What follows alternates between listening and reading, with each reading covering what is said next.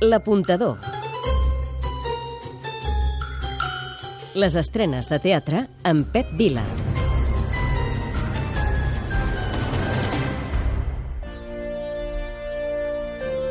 Ai, què us recorda això? És d'aquelles melodies que només les sents i dius ai, és aquella nostàlgia, aquell musical. Doncs bé, ara el musical el tenim a Catalunya.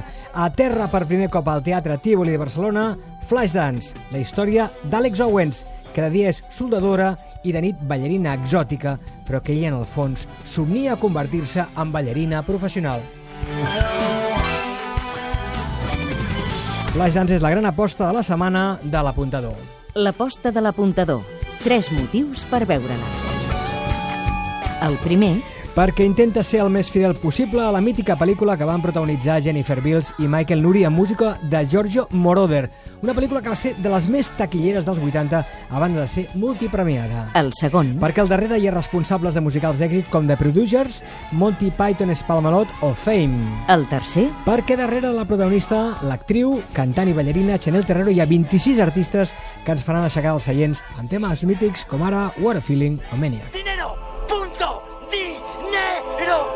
Lemman Trilogy, Teatre Lliure, un clàssic universal. La vam veure fa un parell de temporades al grec, amb repartiment català, i ara arriba aquesta versió dirigida per Sergio Pérez Mencheta, un relat sobre el fracàs del sistema capitalista actual basat en l'obra de Stefano Massini.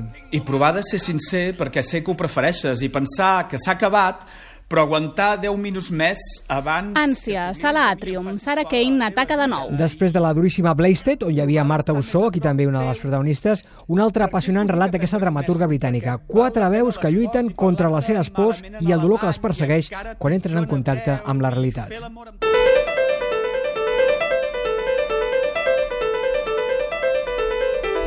Se'ns han anat els Santos al cel, TNC, només dimarts, dia 5. Concert homenatge a Carles Santos presentat per Jordi Oriol i fruit de la col·laboració del TNC amb la Sinfònica de Barcelona i Nacional de Catalunya. Atenció perquè dirigint l'orquestra hi haurà una vella coneguda, Banda Petrovska.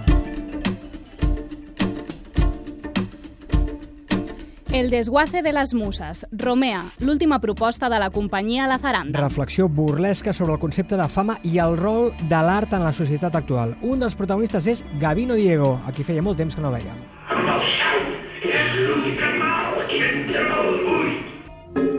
Nom, TNC, la dansa al poder. Cesc Gelabert i la companyia Gelabert Azzopardi amb una proposta innovadora i sorprenent on Gelabert es reinventa una road movie tecnològica des dels sentits i cap als sentits. Brossa enrabiat, escenari brossa, la humiliació dels anys del franquisme. A partir dels poemes de revolta de Joan Brossa i en homenatge en l'any del centenari del seu naixement, Lluís Anton Baulenes, amb Bònica Van Campen, Gemma Dausedes i amb veu i música d'Oriol Tramvia, ens mostren el brossa més desconegut que expressa poèticament la indignació d'aquells anys tan foscos. També a l'Almeria Teatre el Micrometre Tour i també tres reposicions. Trans, Lliure, Càndida, Sala Fènix, Ciutat de Gespa, Gaudí. les recomanacions. Benvolguda, Miss Davis. Estic encantada d'haver-la conquistat. Què va passar amb Bette Davis i Joan Crawford, Teatre Acadèmia, duel de divas? Va passar a la gran pantalla, Bette Davis i Crawford pugnaven per tornar a ser deeses a Hollywood i el seu vehicle va ser el film Què se n'ha fet de Baby Jane. Va ser una rivalitat dins i fora de l'escena. Ara l'obra reviu les cartes i els darts que s'enviaven mútuament abans i durant el rodatge. El millor. Les divas Carme Elias Bette Davis i Vicky Penya Joan Crawford protagonitzen un duríssim partit de tennis, ara des del fons de la pista, ara pugen a la xarxa a rematar i a veure qui la diu més grossa, això sí, dins d'una finíssima ironia anglesa. Però, és clar, s'ho diuen tot. El pitjor. Recorrem el tòpic, se'ns fa curta i és que només dura una hora. Un moment per recordar. Millor dit, dos.